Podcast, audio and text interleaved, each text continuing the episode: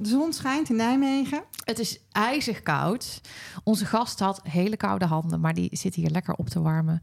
Onze gast vandaag is Jeen. En Jeen werkt bij Fion als maatschappelijk werker. En we gaan Jeen natuurlijk het hemd van het lijf vragen over alles wat hij. ehm, wat, wat, zijn werk inhoudt eh, bij Fion. En eh, of hij zelf misschien nog een persoonlijke link heeft met donorconceptie. Ik vind het een hele mooie inleiding en samenvatting van dan, het dan gesprek. stoppen we hier. Ja.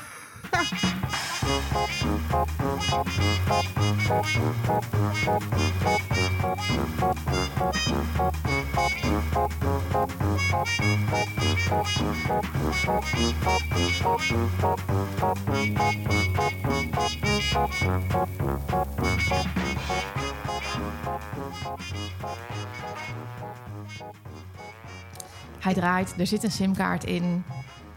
Een heel mooi nieuwkleurig apparaat. En welkom Jeen. Dankjewel. Jeen eh, werkt bij Fion eh, als maatschappelijk werker. Zeg Ja. ik dat goed? En eh Jeen, ja, we wilden jou heel graag spreken over wat je allemaal, wat je allemaal meemaakt in je werk. Ehm, en hoe je, hoe, je, ja, hoe je jezelf verbonden voelt met donorkinderen of het onderwerp donorconceptie. Ehm, maar we beginnen natuurlijk met de vraag, Esther. Ja, dat is de belangrijkste vraag van de podcast, Jane. Wie is je vader, wie is je moeder? Ja, nou allereerst eh, wil ik zeggen dat ik het heel leuk vind om mee te werken aan de podcast. Spannend, maar ook leuk. Ehm, nou, mijn moeder is Joke Schoondemark. En mijn vader is Beb van Beek. Ah, Mijn... Beb. Ja, Goeie naam. Ja, ja daar, daar zit wel een verhaal achter, want hij heet Bert. Maar hij kon zelf de letter R en T niet zeggen. Dus hij noemde zichzelf altijd Beb. Ah. En dat is gebleven. En hij is heel trots op zijn naam geweest altijd. En hij kon als kind die letters niet zeggen. Precies, Ja, ja, ja. ja. Oh, Ja. leuk. Leuke geschiedenis van zijn naam. Ja, mijn moeder leeft nog. Die is 85. Mijn vader is vorig jaar overleden. Die is 89 geworden.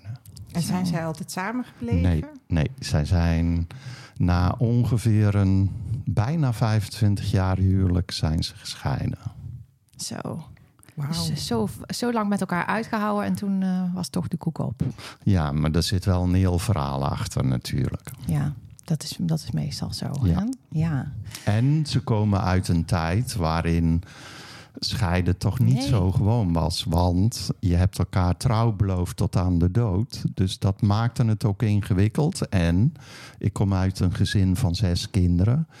Met name die laatste jaren zijn ze bij elkaar gebleven voor de kinderen. Ja. Nou ja, dat is het meest slechte wat je kunt doen in mijn optiek. ja, dit is alvast tip 1. Ja, hey, en, en, en want had dat dan een religieuze achtergrond, dat, ze- die, die, die zes kinderen en dat je bij elkaar blijft? Nee, nee, nee. Want we, we woonden in Sprangkapelle. Sprangkapelle is een. eh, nou, was zeker toen in die tijd een vrij christelijk eh, dorp. Eh, maar wij, eh, wij zijn niet kerkelijk opgevoed. Wel gedoopt, maar eh, niet heel beleidend. religieus. Nee. nee. En dat was soms in dat dorp ook ingewikkeld. Want kinderen mochten niet met ons spelen, want wij waren heidenen. Zo hé. Gek, hè? Ja, dat is wel eh, heftig als je opgroeit en eh, op, voelt dat je niet welkom bent of hoort dat je niet welkom bent. Hey, en, en zijn er nou dingen aan b- karaktereigenschappen, uiterlijkheden, ehm, dat als je naar je ouders kijkt, dat je denkt van ja, dat zijn mijn Joke en Beb zijn echt mijn ouders. Ja, nou, mm, qua uiterlijk lijk ik op alle twee. Eh, ik heb de handen van mijn vader. En eh, soms kijk ik in de spiegel en zie ik ook mijn moeder. En qua karakter ben ik meer mijn vader. Dus heel direct en duidelijk. Maar ik heb ook wel wat trekjes van mijn moeder.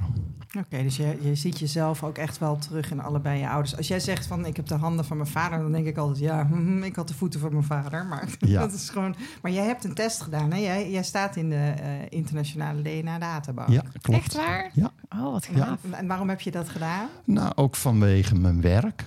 Zeker toen eh, de internationale DNA-databank steeds meer dat daar gebruik van gemaakt werd, wilde ik weten van, eh, nou, hoe gaat dat dan? Dus ik dat heb zelf me, ervaren. Ja, ik heb me aangemeld en ik kreeg toen een match met mijn broer en met mijn halfzus. Kijk. En, en, en, en, en je broer en je halfzus, die kenden je allebei Ja, al? ja, ja, ja, Wij zijn met elkaar opgegroeid. Oké.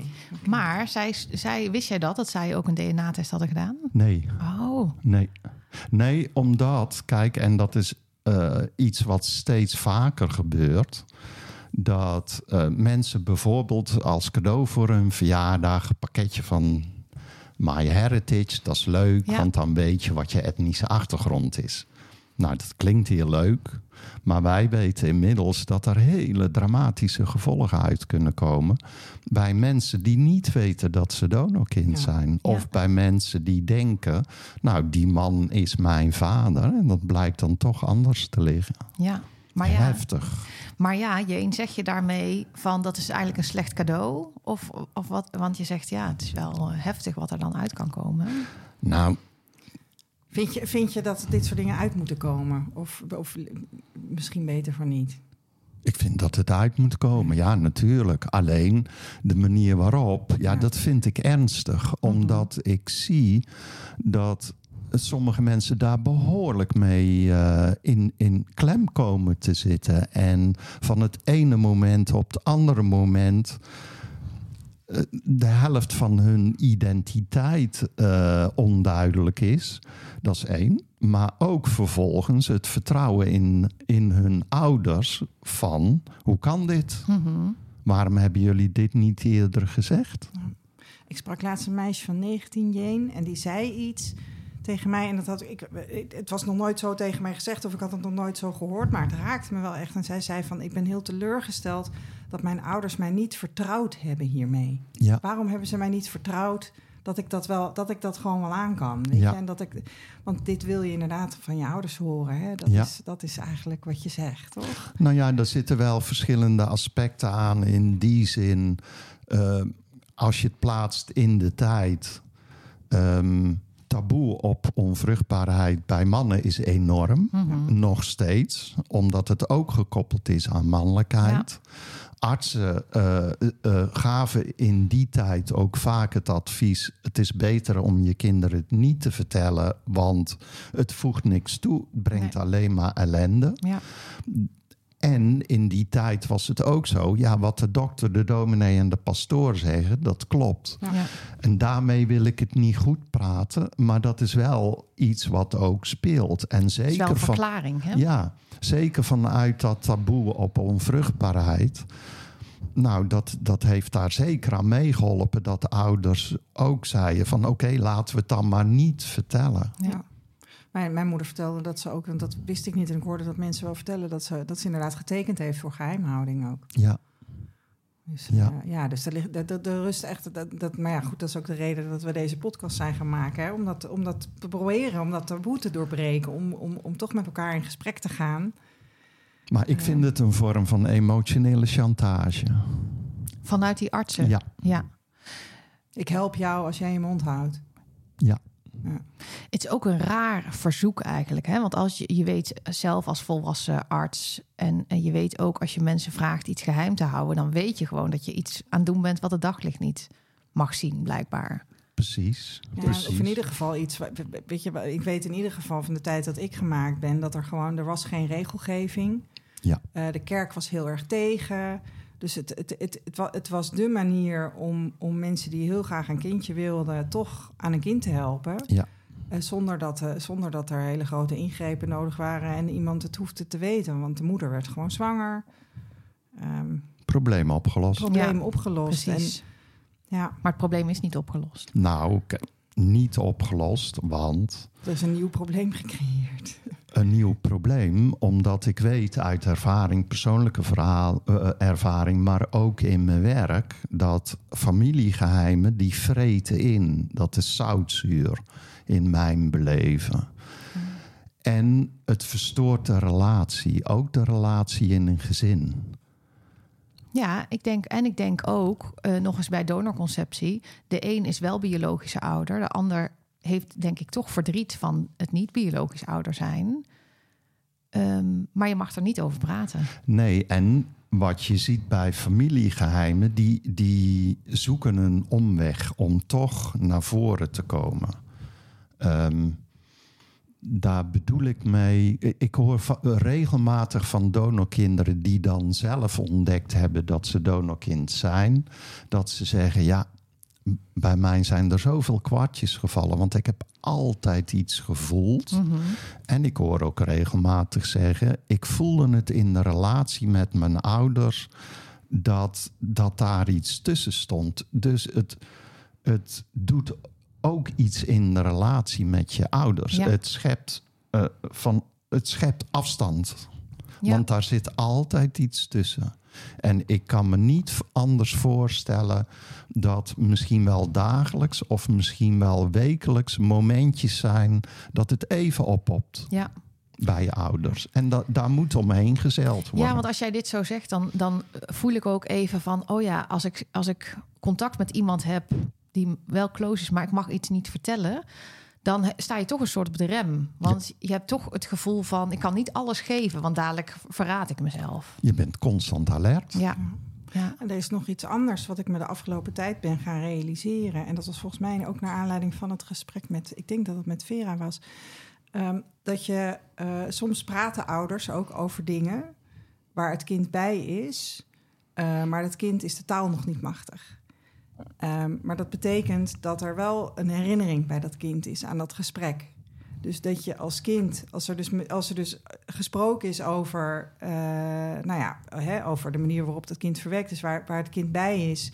Alleen ehm, het kind was daar nog niet, is dat nog niet bewust, zeg maar. Maar daar, er zit dus wel een soort van herinnering. Dus dat is volgens mij ook vaak eh, waardoor er dan een kwartje valt. Omdat je denkt, ik, ik heb dit altijd geweten. Ja. Alleen had je niet de taal, zeg maar, of wa- waren die verbindingen nog niet gelegd, waardoor je deze conclusie.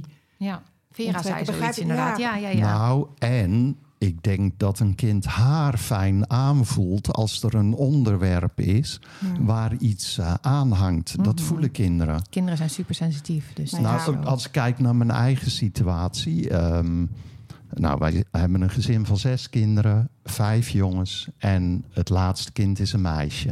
Het laatste kind is niet van mijn vader. Dat is eh, van een andere man, waar mijn moeder toen een buitenechtelijke relatie mee had. En ehm, die man was Indonesisch. Dan zou je denken van nou, dat kind wordt geboren en dat zie je. Ik moet even denken aan eh, de podcast met Ties. Die vertelde over zijn adoptiebroer die een kleurtje heeft. Mhm. En dat hij zei van ja, dat zie je niet. Nee. En eh, dat, dat is zo moeilijk aan mensen uit te leggen. Want die denken, ja, maar dat zie je toch? Nee, dat zie je echt niet. Want dit is de normale situatie. Ja. En wij voelden, ik voelde altijd wel... dat op het moment als ik het over haar had... dan gebeurde er iets. Want er werd in het hele dorp, wist het, behalve wij... Mhm. Daar werd wel gezegd van... je zus kan je zus niet zijn, is die geadopteerd? Oh, dat zeiden mensen tegen Ja, jou. natuurlijk, Zo, omdat ze omdat er... ze het zien. Omdat Ja. Zij Ja. zien het wel. Ja. Ja. Ja. en dan zei ik, nee hoor, dat is niet waar. En ik had daar een verhaal over verzonnen. Jeen, hoe oud was jij toen je zus geboren werd? Eh, ik was twaalf. Oh ja, ja, precies. Dus Ja. dan denken mensen inderdaad van ja, maar kinderen van 12 snappen dat wel. Maar jij leefde in die wereld en je vertrouwt je ouders. Ja, En, en je hebt gezien eh, dat je moeder een kind kreeg, dat ze zwanger was. Dus je denkt, dit klopt gewoon. Ja, en ik had het verhaal voor mezelf eh, van we hebben eh, generaties terug ook wel andere etnische invloeden. Dus dan zei ik, nee hoor, het is echt mijn zus, maar dat is een terugslag van generaties geleden. En Hmm. dat was mijn verhaal. Ja. Hmm. Dus eigenlijk onbewust eh, ging je het ook voor je ouders soort van ja, het, het geheim mee in stand houden. Maar, maar dat is de code van familiegeheimen. Familiegeheimen hebben een code. En de code is, als je het hierover hebt, daar praten we niet over. Nee. En dat eh, die code wordt een keer heel duidelijk ingezet. Maar daarna wordt die geïntegreerd bij jezelf. Dan weet je, dan, dat, dat gaat niet zo bewust, maar dan weet je onbewust. Daar hebben we het niet over. Nee. En dan ga je dus eigenlijk geloven. ehm, ga je mee in het familiegeheim. Ja, want de signalen die je krijgt en die je bespreekt met je ouders, die worden ontkend. Nee, Ja. het is helemaal niet zo, het is onzin. Nee. Laat ze maar kletsen. Ja. ja, en je ouders zijn toch de mensen waar je op vertrouwt, hè? Ja, Als eerste. ja. Ja, maar ik merk wel dat met name ook naar mijn moeder, dat dat wel iets gedaan heeft in de relatie, nog steeds. Ja. Ja, als en, ik, en als wat, ik, jij, hoe oud ben jij nu? ik ben 62. Ja, precies. Wanneer Ja. kreeg je door dat, het, dat, het, dat, dat er wel iets aan de hand was? Want je, je, je ging mee in het verhaal dat het... Het is gewoon mijn zus. Ja, ik vind, dat vind ik een lastige. Ja. Omdat eh, ik weet dat ergens rond mijn achttiende dat wel verteld is. Maar wat de aanleiding is geweest en waarom, dat weet ik niet. Ik heb toen ook meteen tegen mijn moeder gezegd... omdat mijn zus net voor de puberteit zat... van ik wil dat je het haar gaat zeggen. Nou, dat wilde ze in eerste instantie niet. Toen heb ik gezegd van ja, maar als jij het niet gaat vertellen, ga ik het vertellen. Wat ongelooflijk wijs van jou. En dapper Ja, ook. Ja, maar weet je, mijn zus kwam soms ook huilend thuis van... Ja, en ze noemen allemaal mijn pindarotje. Ja. En Ach, ik zeg, je hoort me nu zus zeggen... eh, biologisch gezien is mijn halfzus... maar ik vind dat een hele rare term. snap ik. Want zij is heel. Ja, Ja, En zijn hele mensen. heel hè? mens. Ja. Mooi, mooi gezegd. En dat ze dan een andere biologische achtergrond heeft... dat heeft bij mij nooit gespeeld in, in de relatie met haar... en hoe ik naar haar kijk. Dus gewoon mijn zus. Ja, precies. Dus je noemt haar ook jouw zus. Ja. Wat naar dat ze daarmee gepest werd. En Ja. dus ook niet begreep. Niet dat het leuker is om gepest te worden als je het wel begrijpt. Maar ehm, ja, zij snapte ook helemaal niet waarom zij zo genoemd werd Nee. natuurlijk. Nee. Heeft, speelt dit een rol bij het, het, het uiteindelijke dat jij nu bij Vion werkt en mensen eigenlijk spreekt in, in, in situaties eh, die ja, mensen die ook uit, te maken hebben met familiegeheimen? Ja, natuurlijk speelt dat een rol. Dat is niet de keuze geweest dat ik bij Fion ging werken.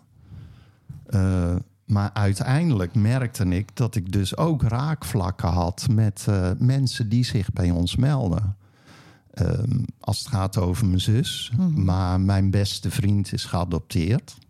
Heeft zijn biologische moeder eh, gezocht via Fion. En eh, ik heb hem begeleid in het zoeken naar zijn biologische vader. Nou, dat was vrij ingewikkeld, omdat zijn biologische moeder in de eerste instantie niks over die man wilde vertellen. Dus hij heeft altijd gedacht dat hij joods was, omdat hij wel een tintje had. Uiteindelijk heeft ze wel verteld dat het een zigeuner was en dat hij een muzikant in Düsseldorf was. Dat was het Zo. niet meer. Nee. Dus ik heb toen tegen hem gezegd: Nou, dan ga je naar Düsseldorf. En dan ga je naar alle kroegen die er zijn. En dan ga je daar je verhaal vertellen. En toen was er een kroeg. En er was iemand die zei: Ik ken dit verhaal. Dus zo, Zo. heeft hij toch zijn vader gevonden. Kippenvel, Dat is je. nog uit de tijd van voor DNA. Juist. eh, Juist. Ja. Ja. Ja. anders zou het eh, wat makkelijker geweest ja, zijn. als het- als- Mogelijk. ja, ja, maar ook nog een goede tip. Ga naar Düsseldorf en ga alle kroegen langs. Niet overal biertjes drinken, maar Ja. ja. mooi hè? Dus en zo is hij in zijn familie gekomen. En bleek een zigeunerfamilie te zijn. Ja, hij heeft gevonden. En contact. Ja. Wat Ja. fijn. Want ik kan me wel voorstellen inderdaad dat jij, doordat je zelf, dat er een familiegeheim in jouw gezin was, dat jij ehm, je goed kan inleven in donorkinderen die in zo'n situatie Ja. zitten. Ja. Dat lijkt me wel een plus. Ja. Ja. Misschien goed om heel eventjes een soort van te vragen van wat houdt je werk precies in? Want Ja. ik, jij bent hulpverlener bij Ja. FIOM. Ik heb daar wel een idee bij, misschien luisteraars ook wel. Maar wat, wat, wat houdt dat nou in? Wat doe jij? Hoe ziet Eh, jouw dag eruit? Hoe ziet mijn dag eruit? Ehm, nou, laat ik eens kijken vandaag. Ehm, ik ik eh, werk voornamelijk op donorconceptie. Ik werk inmiddels 25 jaar bij Fion. Wauw. En in die tijd was het nog zo dat je alles deed wat Fion eh, in huis had. Dus ik deed ook abortusbesluitvormingsgesprekken. Ik begeleide mensen die eh, afstand wilden doen van hun kind. Ehm, zoekacties van mensen die geadopteerd zijn. En seksueel geweld. Dat is zo ben ik bij Fion binnengekomen. Zeven uur mannenhulpverlening, seksueel geweld. Dus ik heb daar mannengroepen gedraaid voor mannen die te maken hebben gehad met seksueel geweld. Nou, dat heeft zich verder uitgebouwd tot alle aandachtsgebieden. En uh, nou, ongeveer, mm, nou ja, ik denk een tien jaar geleden hebben we een flinke bezuiniging gehad. En toen zijn we ook veel meer uh, van generalisten naar specialisten gegaan. En toen heb ik gekozen om me met name met donorconceptie bezig te gaan houden. En dat heeft vooral te maken met, ik was altijd gewend om om de vijf jaar een andere baan. Maar bij FIOM hoefde dat niet. Dus zo kwam ik bij uh, donorconceptie en ik heb van het, uh, vanaf het begin ben ik daarbij betrokken geweest. Ja. Dus jij bent, want, want uh, betekent dat dan dat jij in de loop van de dag dat jij, dat jij ges, altijd gesprekken hebt? Is jouw dag gevuld met gesprekken met, met, met mensen die jij helpt? Ik, ik zal eens vertellen hoe een, een dag eruit ziet. Ja. Net als bijvoorbeeld vandaag, dan uh, open ik mijn mail. En dan heb ik uh, uh, mails van, van donorkinderen die ik ga beantwoorden. Of er zijn nieuwe matches die aan systemen toegewezen zijn. Dus wat ik dan doe, is contact opnemen met die mensen om hen te vertellen, als ze via onze databank komen, dat ze dus matchen aan de donor of aan halfsiblings. Het kan ook zijn dat ze via de SDKB bij ons komen. Maar dan zijn zij al op de hoogte dat er matches zijn, uh, ook met halfsiblings. Ja. Nou, ik nodig ze dan uit voor een kennismakingsgesprek. Waarin ik uh, met hen uh, wensen en verwachtingen ga bespreken. En kennis maak omdat nou ja, we worden toegewezen aan systemen. Dus ik ben dan de vaste begeleider van dat systeem. En dat systeem, dat is dan een familie, zeg maar, ja. in, de, in de breedste zin van het woord, als het gaat over donorconceptie. Alle, de, de donor en alle broers en zussen die erop duiken. Dat, maar het gaat veel verder. Het gaat ook de ouders van de donorkinderen, okay. maar ook de partner van de donor. En soms ook nog andere mensen die betrokken zijn. Okay. Partner van het donorkind. Ja, oké, okay, dus dat, dat is wat je bedoelt met het hele systeem. Dat is ja, ja, Zo, ja. ja dat, mijn begrip. Ik was benieuwd of je ook de ouders van de donorkinderen inderdaad spreekt. Want ik kan me voorstellen dat die het ook wel, ja, dat die het ook wel fijn vinden om even met iemand te, te bespreken van hé, hey, dit gebeurt nu allemaal en ik vind het ingewikkeld. Of, uh... Nou ja, kijk, voor mij, dat, dat kun je bijna niet loskoppelen, omdat het, het is zo systemisch en mm -hmm. het systeem is zo breed, want je hebt met zoveel partijen te maken die hierbij betrokken zijn. Ook bijvoorbeeld de partner van de donor. Ja. Die, wij vinden het heel belangrijk dat die betrokken wordt, omdat je vaak hoort van partners van ja, weet je biologisch is dat kind helemaal niks van mij. Dus ik voel me aan de zijlijn staan. Ja. Nou ja, die ontkracht ik meteen, omdat ik dan zeg van, nou ja, biologisch gezien niet, maar deze donorkinderen zijn wel de nakomelingen van jouw partner. Dus, de broers en zussen van je kinderen. Ja, broers en zussen ja. van je kinderen. Ja, dus, dus jij hoort erbij. Ja, dus mocht er een blijvend contact uitkomen, dan heb jij ook te maken ja. met deze donorkinderen. En hoe fijn is het dan dat je in het proces betrokken wordt? Uh, dat is één aspect, maar ja. een ander aspect vind ik ook belangrijk dat partners mee kunnen groeien in van ja, wat betekent dat dan voor mijn man? Of wat betekent dat dan voor ons gezin? Ja. Want spreek jij, want wij uh, horen toch regelmatig dat de partner van de donor het heel ingewikkeld vindt. En, en Um, dat is ook jouw persoonlijke ervaring, hè, Eve? Ja, maar dat ja. horen we wel vaker, ja, hè? Dus, dus nee, niet wij alleen horen mijn het, verhaal. We horen het ook vaker, ja. maar het is niet inherent. Want ik denk het grootste deel zijn partners betrokken... en soms zelfs de drijfveer achter dat, dat een partner donor is geworden. Maar ook de drijfveer achter van... hé, hey, je moet uit die anonimiteit. Want het is belangrijk voor... Nou, die horen we gelukkig ook, inderdaad. Ja. Maar spreek jij wel eens... Um, Um, vrouwen hè, of, of nee, partners van donoren die, die angst voelen. Tenminste, ik denk dan dat het over angst ja. gaat. Misschien moet jij dat eigenlijk vertellen of dat zo is of niet. Dat Nou, ze het eng vaak- vinden. Ja, vaak is het angst. En, de- en die angst vind ik heel begrijpelijk, omdat voor die partners, eh, dit is hun gezinssysteem. Ja, En daar komt ineens iemand van buiten die biologisch verbonden is met hun partner. En, en wat voor invloed gaat die dan hebben op dat gezin? En daarin leven denk ik ook wel beelden bij partners, of soms ook bij donoren, die niet kloppen. In de zin van, eh, nou, we komen het ook wel tegen dat mensen denken van ja, zo'n donorkind die, eh, die wil van alles. Die wil eh, delen in de erfenis. Of Ja. die wil elke zondag met kerst. met kerst, derde kerstdag. En ja, weet je, dat, dat kom je bijna niet tegen. Nee. Het gebeurt wel. Maar dat is dan omdat het klikt en het ontstaat. Dat, Dat- is niet precies. de verwachting als je erin... vol- Volgens mij zijn... Jij kunt dat wellicht bevestigen. De meeste donorkinderen ehm, in, in zoektocht. Hè, ik be- begeleid mensen in hun zoektocht. En dan, ik adviseer om een brief te schrijven. En ik zeg ook altijd, maak het niet te klein. Want we, wij donorkinderen, hebben de neiging om te zeggen... nee, ik hoef helemaal niks, ik wil alleen maar een foto met medische informatie. Terwijl, ja, weet je, hou de deur open. Want stel nou dat het klikt. En het is een hele leuke man en hij vindt jou aardig... en hij heeft leuk gezin. En weet, weet, weet, je, dat- dat je niet bij voorbaat al die deur dichtgooit, zeg maar. Maar dat geeft wel aan dat donorkinderen over het algemeen heel bescheiden zijn. Nou, het is niet alleen bescheiden, maar het is ook de angst om afgewezen te Ja. worden. Tuurlijk. Oh Ja. ja. Ja, Ik denk dat die bescheidenheid voorkomt uit angst om afgewezen Ja, te worden. dat denk ik. Dat Ja. denk ik. Mooi dat je dat aangeeft, Esther. Want d- dat doe ik ook. Ik zeg, ik zeg altijd, ga voor de hoofdprijs. En Mhm. alles wat het minder is, nou, dat is prima. Ja. Maar als ik kijk naar donorkinderen in, in wat ze uiteindelijk willen... nou, dan vind ik dat eigenlijk best wel reëel en meevallen. Ja.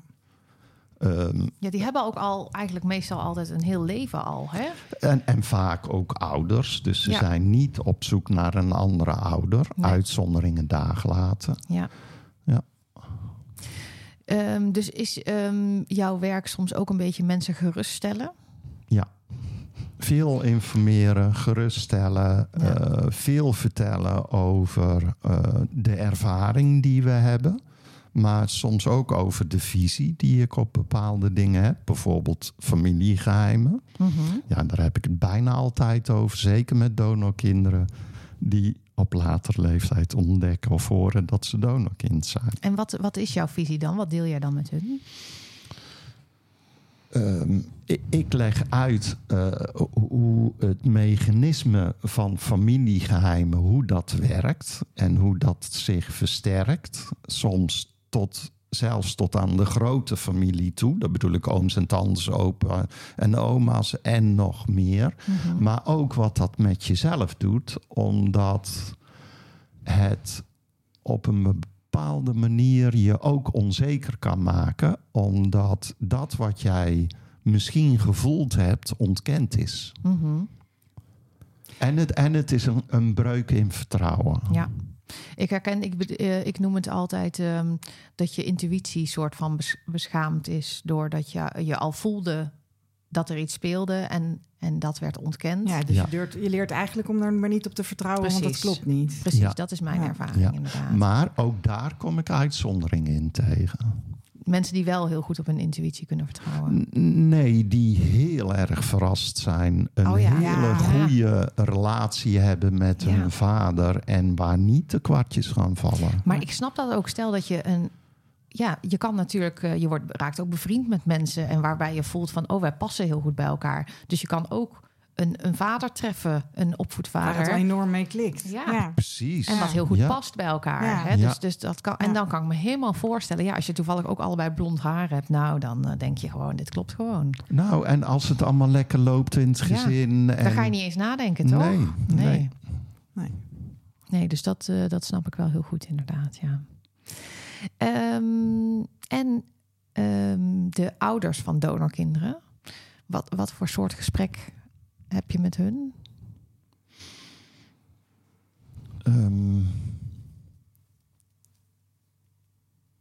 nou, ik betrek ze altijd wel bij het gesprek, of dat bied ik aan. Ja, want, want, want de- dit, is- dit komt allemaal voor uit DNA-matches uit de, da- KID-DNA-databank, deze contacten. Dus de, Ja, dus- en, en via de SDKB. en via de. STKB, ja. Ja. En dan spreek jij dus een donorkind en dan zeg je van... joh, weet je, als je ouders behoefte hebben of je wil ze erbij... of dan, dan ben jij beschikbaar. Bied ik altijd aan. Nou, En het is aan hen om te kijken of dat ze dat willen. maar wordt daar veel gebruik van gemaakt? Regelmatig. En zijn Oh, dat dan goed. vaders en moeders die met Ja. jou in gesprek gaan? Ja.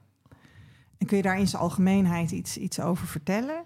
Wat, wat, wat, wat, ehm, wat, wat speelt daar dan? Want dat zijn, dat zijn dan over het algemeen ook...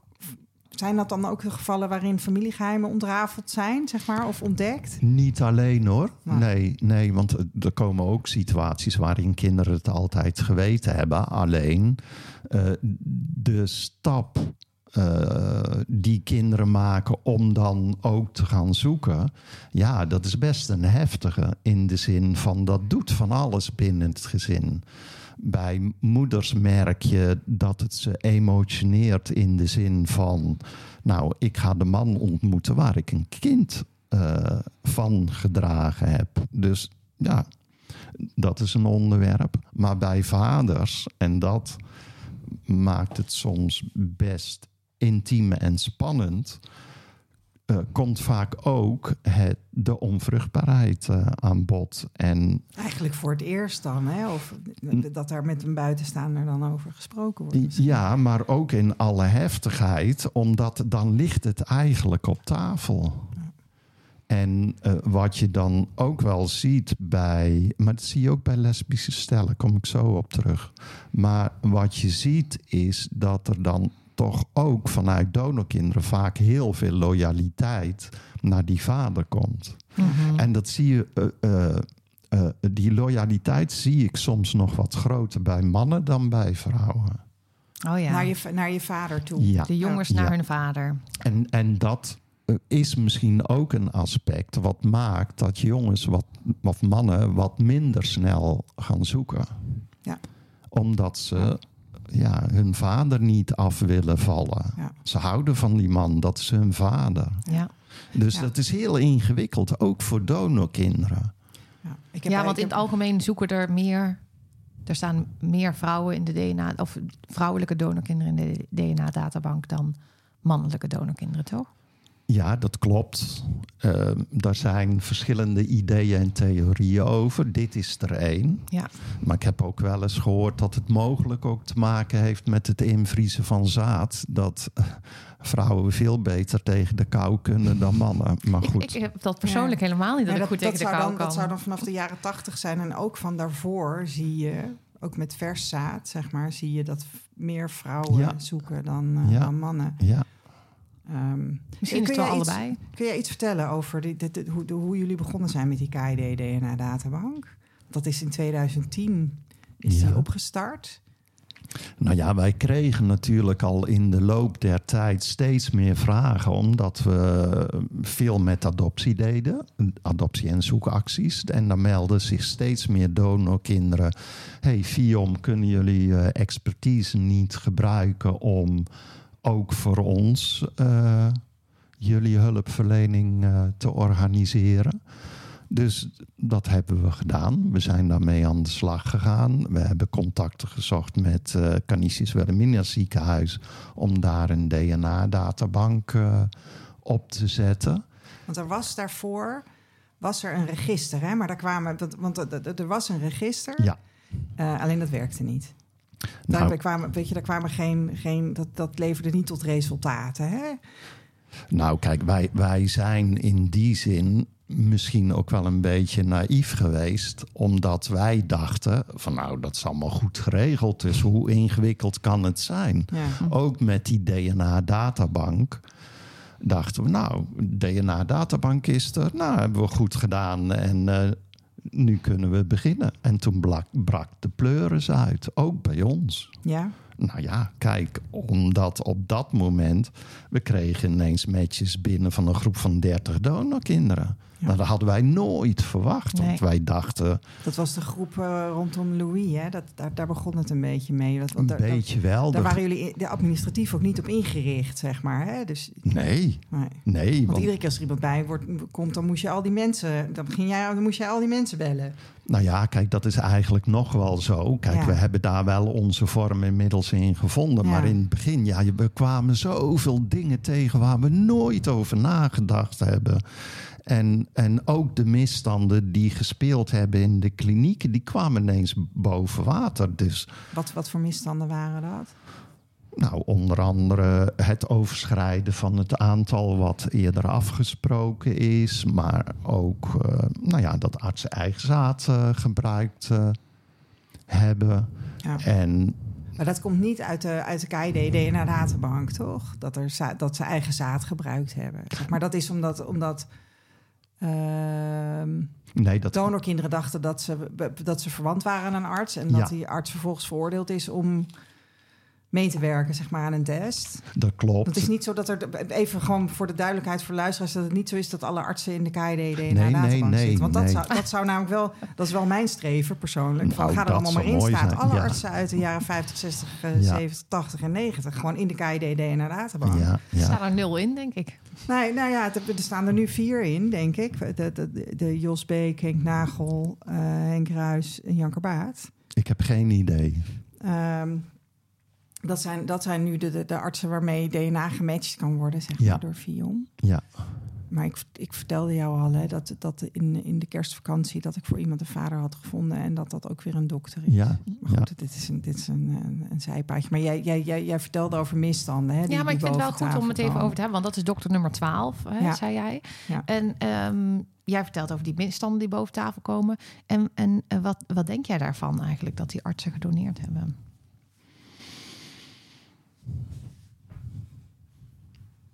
Dat is een ingewikkelde. Mhm. In die zin, ehm, kijk, dat had natuurlijk nooit mogen gebeuren op die manier. Het hoort niet. Het hoort niet. Dat is één. Een tweede is, eh, mensen zijn in goed vertrouwen naar een kliniek gegaan eh, met het idee, eh, daar waar ik mee kom, er wordt zorgvuldig mee omgegaan. En eh, dat blijkt dan achteraf niet te zijn. Dus ja, ethisch vind ik het natuurlijk verwerpelijk. De andere kant is, eh, ja, de kinderen zijn er. Het kan, Mhm. en het kan dus zomaar je vader zijn. En, Dat daar, moet kan je, en daar moet je het dan mee doen. Dus dat, dat, en daar verhoud je je dan ook toe. Hè? Dat, Nou, dat lijkt me ingewikkeld. Ook voor kinderen die dan van een kind, van een arts afstammen. Omdat, dat is ook wel een mooi gegeven, dat de loyaliteit, die zit ook bij de donoren. En die Ja. zit soms al vanaf dat is ook een van één. je ouders. Ja. Ja, want ik heb dat een keer gemerkt in een gesprek eh, met twee moeders. En daar speelde van alles rond die donor. En dat vertelde ik. Nou, die, die werden boos. Oh ja. Oh, En- die moeders, die waren ook loyaal aan die donor. Tuurlijk. Oh, En, en, ik, en ik moest daarover nadenken van hoe zit dat dan? Maar vervolgens dacht ik, ja, maar het is hartstikke logisch. Want die donor is wel de biologische vader van hun kind. Precies, Dus natuurlijk ben je loyaal. ja, kan je die niet afwijzen? Die man, Want die anders man zit in je kind. Ja, Ja. want Ja. anders wijs je ook je kind af. Ja. ja. En het is natuurlijk zo, kijk, het, het is verwerpelijk wat er gebeurd is. Maar die kinderen zijn er. Ja. En We kunnen ze niet ruilen of terugstoppen. Zijn Nee. ze te groot voor. past niet meer. nee, Nee. En, en ik denk, dit is één aspect van die man. Dat is niet goed te praten, maar een mens bestaat uit veel meer aspecten. Ja, dat is Maar ik, mooi. ik, ik heb het ook wel van donorkinderen gehoord hoor. eh, die eh, nou heel onzeker werden en mij ook vroegen van ja, die man heeft dat zo gedaan. En dan heb ik het niet alleen over artsen, hoor, ook over andere donoren waar allerlei dingen bij spelen. ja. Dat er ook de onzekerheid is van zit dat dan ook in mij? Ja. Maar dat is ook, weet je, dat is ook, Jane, waarom het heel lastig is volgens mij ook als je donorvader overleden is. Want je wil eigenlijk, je wil gewoon een verhaal. Ja, Van waarom, we hebben, wie is het? Ehm, en waarom heeft hij dit gedaan? En, Ja. en als iemand niet meer leeft, en dat geldt ook voor die artsen, ja, dan je wil eigenlijk gewoon het verhaal. Want, want ja, je gaat er inderdaad vanuit loyaliteit naar je ouders, hoeveel dat er ook zijn, ga je ervan uit dat hij een goed verhaal heeft. ja, precies. Ik wou zeggen, je wil ook een goed verhaal, ja, liefst, ja, het liefst, ja. Dus ga toch op zoek naar de krent in de pap, denk ik. Nou, het is wel een mooi onderwerp wat je aansnijdt, want daar heb ik het met donoren regelmatig over. Zeker donoren die dan voor het eerst een nieuwe match hebben. ja. Want donoren denken over zijn alge- in zijn algemeenheid: ik moet heel veel geven. Ik Oh, moet ja. heel veel vertellen over mezelf. En dan zie je soms ook dat donoren, en, en dat is ook een beetje man-eigen. eh, je hebt het over wat je doet, niet over wie je bent. Ja. Want op het moment dat ik dan een vraag aan een donor stel. Van ja, wat voor man ben je eigenlijk? Of Zegt die vrachtwagenchauffeur. Ja, ik ben, ik ben Ja. analytisch sterk en eh, Ja.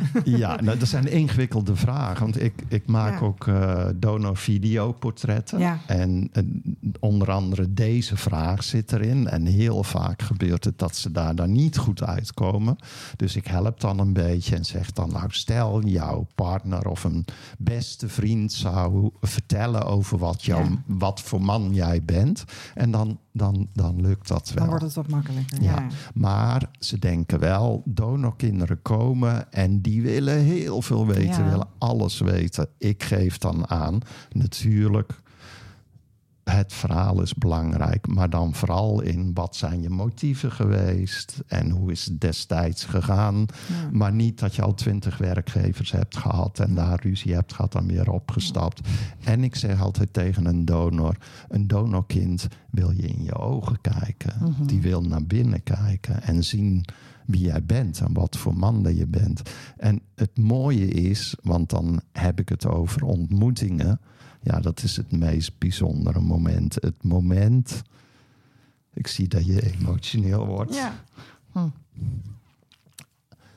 Het, het moment dat ze elkaar in de ogen kijken. En dan met name het donorkind. De, de wereld gaat weg en ze gaan naar binnen. Hmm. En dan moet het stil zijn, wat mij betreft. En dan moet hij niet zitten te kleppen over die twintig werkgevers, zeg maar. Dan moet hij heel even wachten. Nou, kijk, als het gaat over een ontmoeting, eh, ik ben er in het begin altijd even bij Ja. om eh, te Het lijkt me kijken. heel bijzonder, Jeen, Heel dat jij daarbij bijzonder. mag zijn. Heel bijzonder. Ja, maar eigenlijk het, het gehele eh, onderwerp donorconceptie, het is zo intiem wat er bij mensen gebeurt. Dus het is zo bijzonder om daarbij te mogen zijn. Even een zijstapje.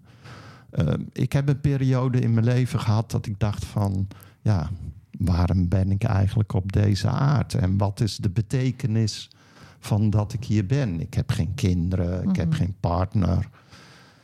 En op een gegeven moment werd mij dat wel duidelijk. Ik denk, dit is de reden, dit is wat ik in het leven breng. En hoe bijzonder is dat? Mhm. Heel bijzonder.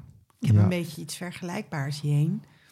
Ik heb heel lang in de communicatie gewerkt en met hele grote budgetten en eh, lekker belangrijk allemaal.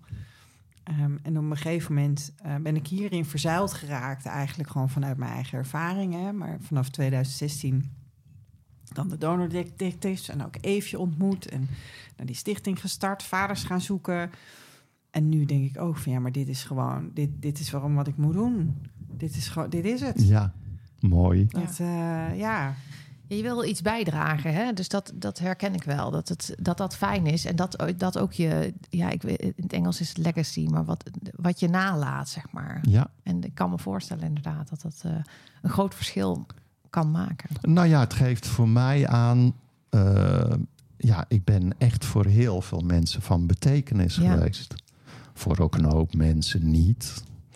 Nou, want dat is natuurlijk ook lastig, Jeen. Want jullie hebben ook... eh, je zal- hoe was het voor jou dat op een gegeven moment dus die donordetectives kwamen... en dat bleek dat er allerlei dat het CWZ eh, eh, matches miste. Ja. En eh, sowieso Ja. de, de, de, de achterstanden waar jullie natuurlijk op een gegeven moment Ja. tegenaan liepen... Met, met, met, met dat het gewoon veel groter was dan jullie dachten. Ja, Nou, laten we het zo zeggen. We hebben best wel tegen Fion aangeschopt. ja. En dat was, ja, hoe was dat voor jou? Dat wij zo aan het schoppen waren. Nou, maar ook, ook dat, maar ook de verhalen gewoon van individuele mensen, de, hun teleurstelling en hun pijn, weet je, want we, we hebben natuurlijk, we hebben, we hebben lawaai gemaakt, maar ja, je moet, je moet misschien ook inderdaad mensen informeren van, ehm, we hebben iets gemist, of het klopt niet, Ja, of Twee dingen eigenlijk. hoe, ja, inderdaad. precies. Maar hoe, hoe, hoe, hoe, heb jij, hoe heb jij dat ervaren? Hoe was voor Heel jou? heftig.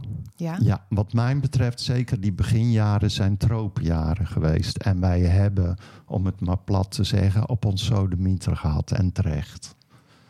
Ehm, in die zin, en dat sluit aan wat ik al eerder zei. Ja, we zijn wat naïef geweest en we hebben een grote broek aangetrokken. In de zin van, nou, we hebben dit geregeld. Ja. Onszelf op de schouder kloppen. En wat ik al zei, toen brak de pleuris uit. Ja. Uh, het was heftig, maar ik vind dat wij heel veel geleerd hebben. Maar ook van uh, nou ja, de doelgroep die behoorlijk tegen ons uh, aangeschopt heeft. Van Fion, zorg dat je zaakjes geregeld zijn. Ik vind ook dat jullie heel goed zijn gaan luisteren. Ja. Ja. Dus dat is wel een compliment ook naar jullie. Want het is best wel moeilijk, denk ik, als mensen, hè, als activisten, die, die zeggen de dingen niet altijd zachtjes of vriendelijk. Nee. Of op een, hè, die houden de toon niet Nee, altijd boze gezellig. mensen sowieso in het algemeen niet. Nee, het is gewoon niet leuk. En uh, ik vind dan eigenlijk, want ik weet ook bijvoorbeeld vanuit mezelf van ja, als je boos praat, dan luisteren mensen eigenlijk vaak niet meer. Hè? Want dan gaat het over het boze gevoel wat er, wat er tussen mensen heerst. Dus ik vind het toch knap in die zin dat, dat uh, Viom het heeft opgepakt en wel naar ons is gaan luisteren, terwijl de toon best wel pittig was. Ja, dat klopt. Toon was pittig, terecht. Niet altijd even leuk. Nee. Maar uh, uh, het was natuurlijk niet alleen voor jullie uh, heftig wat er allemaal gebeurde en wat er misging, maar voor ons ook. Ja. Want dan moet je iemand gaan bellen waaruit blijkt dat het een mismatch is. Nou ja, ik heb niet veel haar, maar ik zat echt met mijn handen in mijn haar. Van, Ja. oh verschrikkelijk, dit Ja. kan niet, dit Nee. mag niet. En jij bent, bent de boodschapper, Ja. terwijl jij niet degene was die de mismatch gemaakt had. Nee, maar goed, daar denk ik... eh, ja, daar word ik voor betaald. Dat klinkt misschien een beetje... Nou, fijn dat je het zo kan zien. Ja, ik denk eh, dat hoort er ook bij. In die zin, bij ons zijn dingen misgegaan. En ik vind, ja, daar moet je dan ook de verantwoording voor nemen en open over zijn. Ja, nou, en dat heeft even geduurd ook. Want jullie zijn ook even in paniek geweest, volgens mij. Het is ook even chaos geweest. Het was, het was nou, zo, wat, wat eh, ik zei, de ja, pleuren sprak ja, uit. En het ja, waren ja. tropenjaren. Wij wisten echt niet, wat moeten we hiermee en hoe moet dat? En kijk, dat kan ik wel zeggen bij de FIOM. Het zijn allemaal mensen die met hart voor FIOM werken. En ook voor donorkinderen. Dus het is niet alleen dat het ging om werk, maar ja, het raakt je persoonlijk ook. Ja. Het Ja. kan niet anders dat als je dit werk doet, dat je daar persoonlijk bij betrokken wordt, bent. Wil jij iets vertellen over een situatie, een voorbeeld van iets wat je dan persoonlijk geraakt heeft? Wat, wat zijn situaties die jou raken? Ehm, het eerste wat me bij me boven komt is eh, eh, met het maken van een donorportret. Eh, moet ik even uitleggen? Ja, wat, doe maar. Ja. Ja. Nou, eh, op een gegeven moment was het zo dat we steeds vaker tegenkwamen dat donoren op zeer hoge leeftijd waren en zelfs ook al donoren overleden waren. Nou, ik, ik was toen met een collega en we waren een beetje aan het grappen van hoe leuk zou het dan zijn als we, die, als we de donoren gaan filmen. Ja. Nou, die haakte meteen aan, dus dat zijn we uit gaan werken. Ehm, ik heb veel eh, portretten gemaakt, het is heel bijzonder. Ik heb één keer een portret gemaakt met een donor die terminaal was. Echt een paar dagen voor zijn sterven. Zo. Dus ik had het net al over intiem. Hoe intiem is ja, dit? Ja, dat een vreemde man van buiten eh, eh, in dat gezin kwam. Ja, Ik weet niet of dat je wel eens een, een, een sterven van dichtbij hebt meegemaakt. Nou, ik een aantal keer, maar je, je, de wereld wordt heel klein en spitst zich toe op die persoon ja. in die situatie. En daar kom ik dan als vreemde man in om het portret eh, te maken. En ja, ik zag in die ogen van die man, ja, dit zijn zijn laatste dagen. ja. En nou, zo bijzonder dat hij dat nog heeft willen doen. ja precies. Nou, Ja. ontroerend. Nou, Ja. zeker, ja. Ja, en hoe waardevol. Ja. Niet alleen voor zijn eigen gezin, maar met name ook eh, voor zijn nakomelingen. Ja. Ja. Ja, waar, ik, waar ik even aan moet denken is dat er natuurlijk dat er zoveel donoren in die KID DNA databank staan die geen matches hebben. Hè? Ja, En dat, ik heb altijd een beetje met die mannen te doen, want dan, dan, dan neem je de stap en dan meld je je aan, Ja. weet je wel. Dat, dat, daar, daar gaat natuurlijk ook wat aan vooraf. Dan moet Ja. die, die afweging moet Ja. je maken. Nou, voor sommige mannen is dat best, eh, best, best een pittige stap. En dan maak je je bekend en dan komen ze niet. ja, En dan, dan, dan denken ze dus wel eens dat, je, dat, dat donorkinderen niet op zoek zijn. ja. Maar goed, vaak zullen die donorkinderen het misschien nog helemaal niet weten dat ze van een donor zijn. Dus het, het- maar goed, ik, ik heb altijd wel met die mannen te doen. Dat Dus is zo. Spreek jij ze wel eens? Jawel, want ook deze mannen maak ik videoportretten van. Oh ja. Hoeveel van die portretten kun je een inschatting maken? Hoeveel van die portretten jullie nu hebben? Nou, ik denk zo rond 50. Wat fijn. Ja, Ja, want de- dat is een van de dingen die ik ehm, ehm, heel fijn vond, was dat ik eh, beeldmateriaal en, en, en geluidsmateriaal Ja. van mijn donorvader, Ja. van Gerard, heb, heb Ja. gekregen. Weet je wel, zodat ik in ieder geval, ik heb, ik heb in ieder geval gezien hoe die bewoog en, en ik kan naar hem luisteren. precies. Ja. Ja. En dat doe je regelmatig, denk ik. ja, en ik laat het ook wel eens horen aan mensen, omdat Oh, ik, omdat ik omdat, van Wim horen. Ja, ja, Ja. ja. natuurlijk. Natuurlijk. Want Ja. het is zo'n deel van jou. Ja, Ja. Ja. Ja, wel een beetje. Het blijft een beetje, hè, omdat hij overleden was toen ik hem vond, blijft dat voor een deel ook onbekend. Maar van de week had Meijer bijvoorbeeld een foto van mij gemaakt. Ik zat te werken en hij maakte een foto en dan zie ik, ik heb zo'n vouw in mijn gezicht. Oh, weet ja. je wel? En dan denk ik, ja, die heb, die heb ik echt Ja. van hem. Mhm. Nou ja, daar moet ik het dan mee doen. Dus daar Maar, gaat eh, geen botox in. Nee, nee, nee. Nee, maar ik kan me mij. heel goed voorstellen bij jou dat elk detail is zo. Ik vreet Ja, alles. Mhm. Ja, Ja. Nou, en dat is ook, weet je, dat is ook, ik weet niet of jij daar wel eens bij bent, want ehm eh, donorkind ontmoet dan donorvader, maar dan, ehm, wat, wat mijn ultieme droom was, en die ging bij mij dus niet door, was een foto met Mhm. allebei je ouders, allebei je biologische Ja. ouders. ja. Ben je, daar, ben je daar wel eens bij? Nou, dat is dus mooi, want Ik heel denk dat. Jane ze vaak maakt. Ja, nou, dat klopt. Nou, maar echt, dat, Ja. is, dat lijkt me, dat is magisch, toch? Daar heb ik wel een leuk verhaal over. Kijk, het is bijna altijd aan het eind van de ontmoeting dat we dan foto's maken. Ja. En op het moment dat de ouders erbij zijn. Nou, eerst is dan de foto met de donorkind en de donor. En ik zeg dan altijd: willen jullie er ook bij? Ja. Ja, dat willen ze wel, want het is een heel systeem. Ja, ja. Ehm, dus dat gebeurt regelmatig. En ik heb ook wel eens een keer gehad. Want daar gebeurt iets bij een ontmoeting. Volgens mij worden er allerlei stofjes Ja, in je hersenen aangemaakt. En daar is een vorm van euforie. En we waren met die foto's bezig. En het gezin stond zo bij elkaar. De donor met zijn partner stond erbij. En toen zei ze: Ja, jee, maar jij moet er eigenlijk ook bij. Oh ja. Nou, kan ik me ook voorstellen. Ja, want het is een historisch moment Nou. natuurlijk, waar jij ook onderdeel van bent. dan. Ik vond het prima om te doen, maar ik vind het geen uitgangspunt. Nee, het is Nee, nee, dat snap ik. Nee. Maar het is niet dat jij, dat jij, dat jij die foto's verzamelt. Ja, en dat ik dan de donor Ja. wegduw Ja. en eh, voor hem Nee, ga. tuurlijk kom ik er even bij Ja. staan. Jane staat op alle Ja. foto's. Ja. Nee. Ja.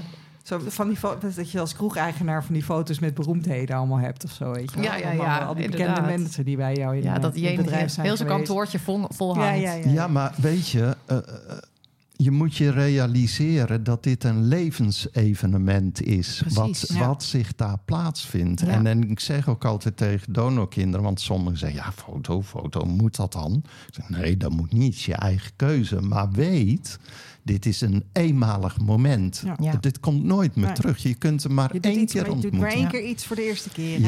Hè? Ja. En als je niet meer naar die foto wil kijken, kan je dat kiezen. Maar als je het wel wil, dan en het is jammer Ja. als hij er dan niet is. Ja. Dus eh, ja, ik zou eh, ook... eh, ja, ik wil zeggen, ik, I would die voor zo'n foto. Ja, maar, kan ik me voorstellen. Ja, ja, dat is gewoon, dat wil je gewoon. Dat is nou ja, kijk, voor mij, want dat is ook een oproep aan donoren die dus niet uit de anonimiteit zijn gekomen. En ik kan me daar van alles bij voorstellen. Waarom niet? Er zit veel angst. Mhm. Ja, Maar maar als ik- jij net ook al zegt dat die donoren denken dat ze alles moeten geven, dat werpt ook al een drempel op. Nou, precies. En maar wat je in de praktijk ziet is dat eh, het is helemaal niet zo dat de donorkinderen dan een hele prominente rol in het gezin van die donor gaat spelen. Dat gebeurt wel, maar dan ontstaat dat in het contact en Ja. door het geschiedenis met elkaar maken. Want een relatie is gebaseerd op de geschiedenis die je met elkaar maakt. Ja, precies. Maar over het algemeen zien we dat nou, er soms wel contacten blijven. Maar dat is nooit, of niet altijd heel intensief, uitzonderingen daar gelaten. Dus het, het, het beeld dat donoren misschien hebben dat die kinderen zijn achter de erfenis aan. Mhm. Ze willen elke zondag op de koffie, ja. enzovoorts, enzovoorts. Dat is niet zo. Nee. En dat kan je allemaal wegnemen als mensen jou bellen met deze vragen natuurlijk. Nou, dat niet alleen. En wat ik altijd aangeef, van het is geen eenrichtingsverkeer. Het is niet donorkind vraagt en u draait. Nee. Het gaat om jullie alle twee. En op het moment nou ja, dat de een een andere verwachting heeft dan de ander... ja, dan moet je daar het gesprek over voeren. Precies. Maar in principe, Kom je Eh. dat vaak tegen, dat verwachtingen uiteenlopen? Nee, eigenlijk niet. Nee. Oh, wat Nee. grappig. Weet je wat, dat ik, waarom ik dat ook vraag en waarom jouw antwoord mij niet verbaast, is omdat die mensen die elkaar ontmoeten, die zijn dus familie van elkaar. Ja, Mhm. En ehm, dat is ook, dat is ook eh, ehm, hè, in zoektochten eh, ehm, die, waar, waar, waar ik mensen bij mag helpen. Dan, ehm, en, en sowieso ook met, met de donor detectives, dan adviseren we ook van eh, maak contact op je eigen manier. Want jouw manier past waarschijnlijk heel goed bij die man. Want het, het is jouw familie. Dat weet je wel? Heb, heb kunnen, vertrouwen. Ja. Ja. dus dat, dat, eh, dat is fijn om te horen, denk ik. Van, ja, dat, dat, dat, je- er is niet zo heel veel om bang voor te zijn. Hè? Dat is eigenlijk wat je nee, zegt. nee, nee. En je bent er altijd zelf bij. Je kunt daar zelf je grens in aangeven. Precies. Want als donor vind ik het heel legitiem om te zeggen... van nou, ik vind het prima om, om te ontmoeten... maar ik, ik wil niet een heel intensief contact. Dat mag. Zeker, maar dat is, daar gaat iemand dus zelf over. Ja, En, eh, maar dat herken ik wel inderdaad. Want eh, mijn donorvader, die, eh, toen er nog even sprake van was of er wel contact zou komen of niet. Hè, had- hij ging dan met een nicht van hem overleggen en ik had contact met die nicht. Zei ze, ja, maar hij wil van jou horen dat jij maar, hem maar één keer eh, wil ontmoeten. En ik, eh, ja, ik was ook een beetje... Ik zei, ja, maar ik weet, ik heb dit ook nog nooit gedaan. Ik weet niet of ik dat wil. Ik kan nou niet zeggen, ik ga, ik ga niks zeggen van oké, dan dan is dat nu zo. Niet dat ik kon afdwingen dat er meer ontmoetingen waren. Maar ik had meer zoiets van, ja, misschien is dat zo inderdaad. één ontmoeting prima is. Maar ik ging, dat, ik ging me daar niet op toeleggen. En uiteindelijk is het dus helemaal niet gebeurd. Maar ik, ik dacht toen ook van, ja, als, je, als hij daar zo bang voor is... kan hij toch zeggen van, nou, ik wil maar één ontmoeting. dat, Hè, dat ja, je kan, toch zelf, Ja, je kan toch zelf dan de regie nemen en zeggen... Maar hij was in die zin ook van, eh, ja, maar wat wil ze dan? Ja, En alsof hij daar dan aan zou moeten beantwoorden, zeg maar. ja, Dus dat, dat, eh, dat herken ik wel een beetje, ja. Ja, nou, wat, wat ik mooi zou vinden eh, van een donor, dat het minimale eh, dat hij dat biedt, dat een donorkind in zijn ogen kan kijken en dat hij naar binnen kan kijken. Ja, Maar ik wilde eigenlijk nog iets anders vragen. Want over die familiegeheimen was ik ook benieuwd of ouders jou wel eens bellen ehm, met hè, dat ze het nog niet verteld hebben. En eh, dan heb je dan ook een soort adviesgesprek. ja, dat gebeurt regelmatig. Oké, En in die zin, ik, snap dat ook heel goed dat het voor ouders ingewikkeld is. Want met een geheim is het zo, het zoeken naar het juiste moment, er komt nooit het juiste Nee. moment. nee. En hoe vertel je dat dan aan een kind? Dus daarin zijn ze welkom om eh, zich te melden bij FIOM. En mijn advies aan alle ouders is: vertel het hoe dan ook. Ja. Maar niet alleen vertellen, Maar gooi het open. Want wat we ook wel eens tegenkomen... is dat het dan wel tegen het donorkind verteld wordt... maar de- die mag er dan verder niet over praten. Ja, En daarmee... sterker nog, je moet je kind aanmoedigen om erover te praten. Hè? Want, want dat kind mag er niet over praten of het doet het niet... omdat het loyaal is naar de Precies. ouders. Want en het ziet de pijn bij de ouders en praat er dan niet over. En Ja. het is verbonden met het familiegeheim, want we hebben onbesproken met elkaar afgesproken. Hier praten we niet over. Dus Nee. geef je kind toestemming. Je mag erover praten. Maar goed, er zit heel veel schaamte ook bij ouders en, en de andere generatie. Want dat zie ik Mhm. bij mijn ouders ook. Terugkijken of eh, het hebben over dingen die mis zijn gegaan. Je moet vooruitkijken. Mhm, Dat is de boodschap. Dat is de En niet boodschap. praten over wat is geweest. Want Ja. Dat kan je toch niet veranderen. En dat is ook zo, dat je het niet kan veranderen. Nou, ik denk dat het ook te maken heeft met deze generatie. Heeft natuurlijk een heftige periode in de Tweede Wereldoorlog meegemaakt. Ja. Vaak. Of zijn net van na de Tweede Oorlog. Precies. Tweede Wereldoorlog. En toen was het idee niet omkijken. We moeten door. Ja, ja, en dat was voor toen waarschijnlijk goed. Want je, ze moesten ook door. Want Ja. het, was, het leven was ook zwaar natuurlijk. Ja. Maar nu is er een soort, dat, dat eh, leer ik ook in die, een opleiding over ehm, familiesystemen. En dat het vaak de derde generatie is. Hè, als de eerste generatie het trauma, en de oorlog is natuurlijk een trauma, niet aankijkt. En de tweede generatie kan het niet aankijken. Dan komt het er toch vaak bij de derde generatie uit. Terwijl dan zeggen mensen van ja, waarom is eh, hè, die nou overspannen bijvoorbeeld? Want ja, die heeft toch verder een heel makkelijk leven. Zo wordt ook al over de generaties van nu een beetje gesproken. Over de, de generaties die in de zero's en daarvoor geboren zijn. Terwijl, ja, die hebben ouders gehad die hele heftige dingen hebben meegemaakt en die daar niet over konden praten. En blijkbaar komt het dan toch een keer eruit. Nou ja, dat, daar ben ik van overtuigd dat dingen eh, eh, in de generaties doorgegeven worden. En dat gaat, wat mij betreft, soms nog wel verder dan alleen maar de derde. Mhm. Ja, ja, ja, precies. Ik leer nu dat als, als, het, als het niet aangekeken wordt, wordt het doorgegeven Ja. eigenlijk. En dan heb je een hoop werk te doen als kind. En dat is eigenlijk, dat, dat, dat speelt dus ook heel erg bij donorconceptie. Ja. Want als er onverwerkte en onbesproken dingen zijn, dan word je Ja. daar als kind mee opgezadeld. Ja. Zonder dat je het weet misschien. En dat onvruchtbaarheid, eh, onvruchtbaar zijn, dat is natuurlijk, dat is natuurlijk een, een, een trauma, zou je dat kunnen noemen. Hè? Dat is iets wat heel heftig is, Ja, waar toen de tijd misschien niet over gesproken kon worden. Dus dat is eigenlijk dan nog niet aangekeken, zoals je dat zegt. voor mij mag je het best wel een trauma noemen. Ja. Zeker ook omdat die onvruchtbaarheid verbonden eh, is met mannelijkheid. Precies. Ja. Ja. Ja, en bij vrouwen denk ik eigenlijk net zo goed met hun vrouwelijkheid. Ja, idem. Want dat, dat hoorden we natuurlijk regelmatig terug toen wij eh, echtparen of stellen begeleiden eh, die ongewenst kinderloos waren. Dat vrouwen ook zeiden van ja, mijn lichaam laat me in- de steek. Ik heb geen vertrouwen meer. Dat wat eigenlijk de normaalste zaak van de wereld Ja. is, dat gaat bij mij niet. En wat je overal om je heen bij iedereen ziet gebeuren. En als het dan zelf niet lukt, terwijl je het heel graag wil, ja, dat is Ja. een groot verdriet natuurlijk.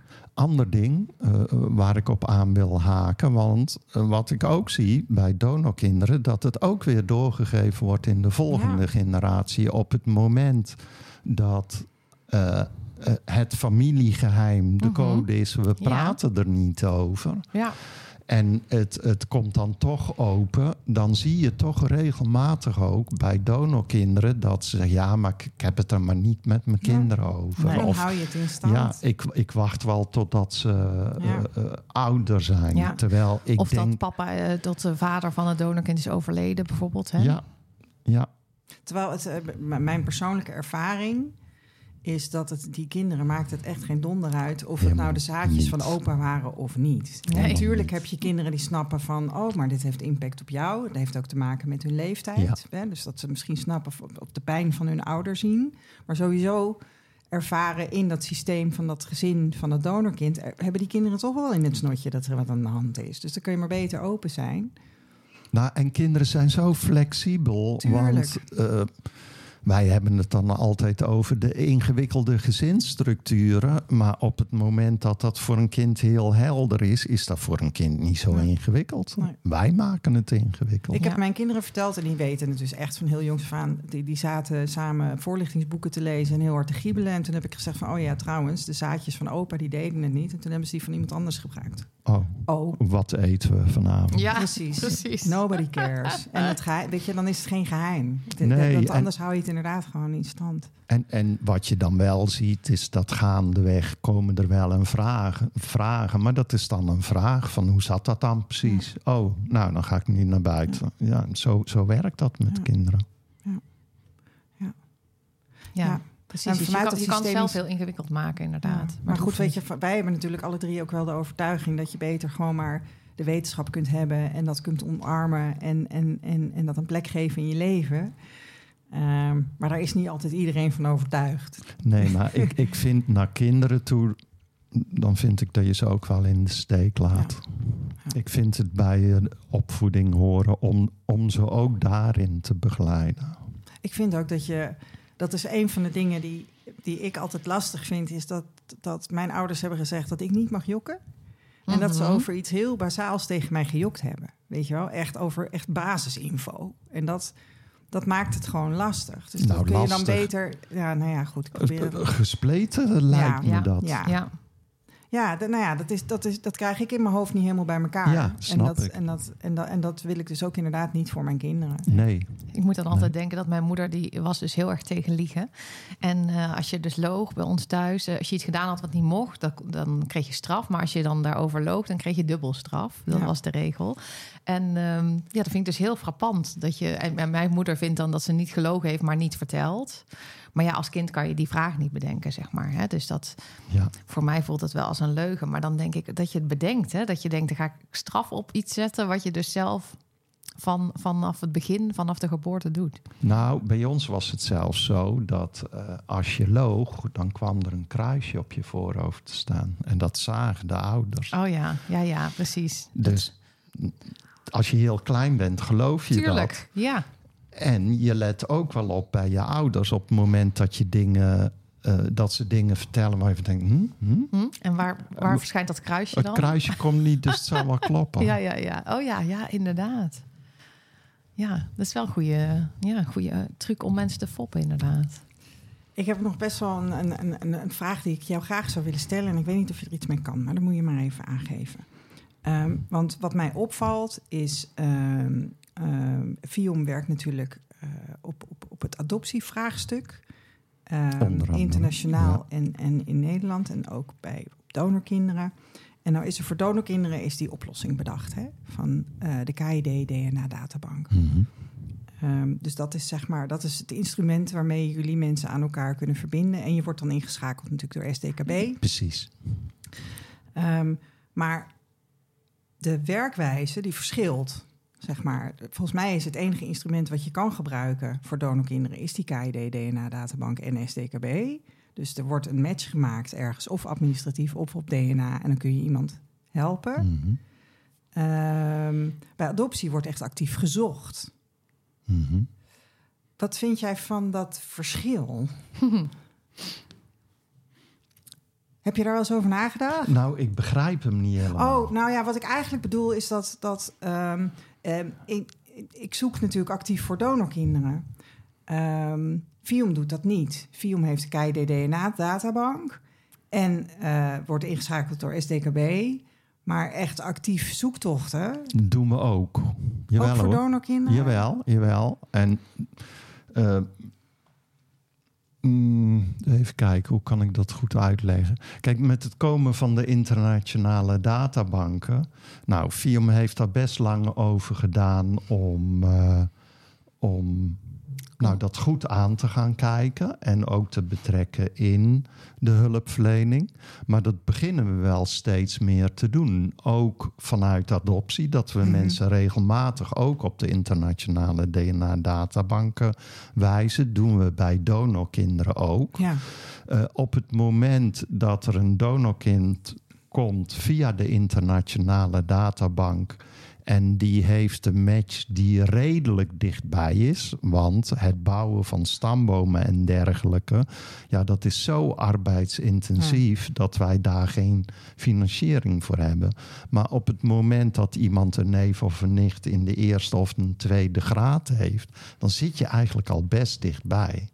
Nou, dat zijn wel zaken die wij op kunnen nemen. En wij eh, zijn natuurlijk vanuit eh, het ministerie aangewezen als bijzondere derde. Dus we kunnen gebruik maken van de eh, burgerlijke registratie personen. Ja. Dus dat maakt het in die zin wel wat makkelijker als de matches dichtbij zijn. Op het moment dat iemand zich meldt met matches die wat verder weg zijn. Nou, dan verwijzen we die of naar Els Leijs, of naar Stichting Donorkind, of naar, de, naar Esther. ja, Ja. dus, eh, maar Ja. daarin, kijk, dat is voor ons natuurlijk ook. We hebben dat een tijd wat afgehouden, omdat het ook zoeken was van, nou ja, hoe zit het met die privacy? En kun je als organisatie eh, mensen wijzen naar een plek ja, waarin niet zo heel duidelijk is van hoe is dat geregeld Ja. met privacy en ga Ja. je daar je aan verbinden? Ja. Nou ja, inmiddels zijn we zover ook omdat we eh, weten en geleerd hebben in de tijd dat de testen via de internationale databanken betrouwbaar zijn. Ja. Nou is dat wel een gebied wat, eh, wat we gaan betrekken en steeds meer gaan ontdekken. Oké. Waar ik nog heel benieuwd naar ben, Jeen, is hoeveel talen spreek je eigenlijk? Ehm, Ja, ben je klaar voor eh, wat er komt? Brabants, Heel goed. gezellig. Dat is de belangrijkste. Kijk gezellig. Nederlands, Duits en Engels. Hoe is je Deens? Niet goed. Hoe, hoe kijk je naar, eh, het is een beetje flauw natuurlijk om te vragen, maar hoe kijk je naar de toekomst? Want er zijn natuurlijk heel veel mensen die eh, naar het buitenland gaan voor eh, zaad- en eicellen.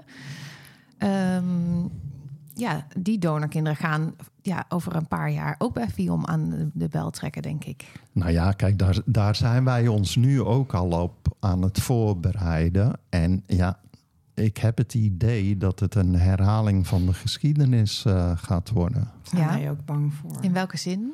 Nou ja. Ik denk dat er een, een soort gelijke misstanden naar boven zullen komen. Dat, dat is één. Ja, Een tweede is de ingewikkeldheid maakt het ook dat je een donor hebt die een andere taal eh, spreekt. Natuurlijk kun je in het Engels best wel wat met elkaar bespreken. ja. Maar echte emotionele communicatie, ja, dan vind ik de taal echt een ba- barrière. ja. En daarmee En- zeg je eigenlijk ook iets over het gebruik van buitenlandse donoren. Over jouw opvatting daarover.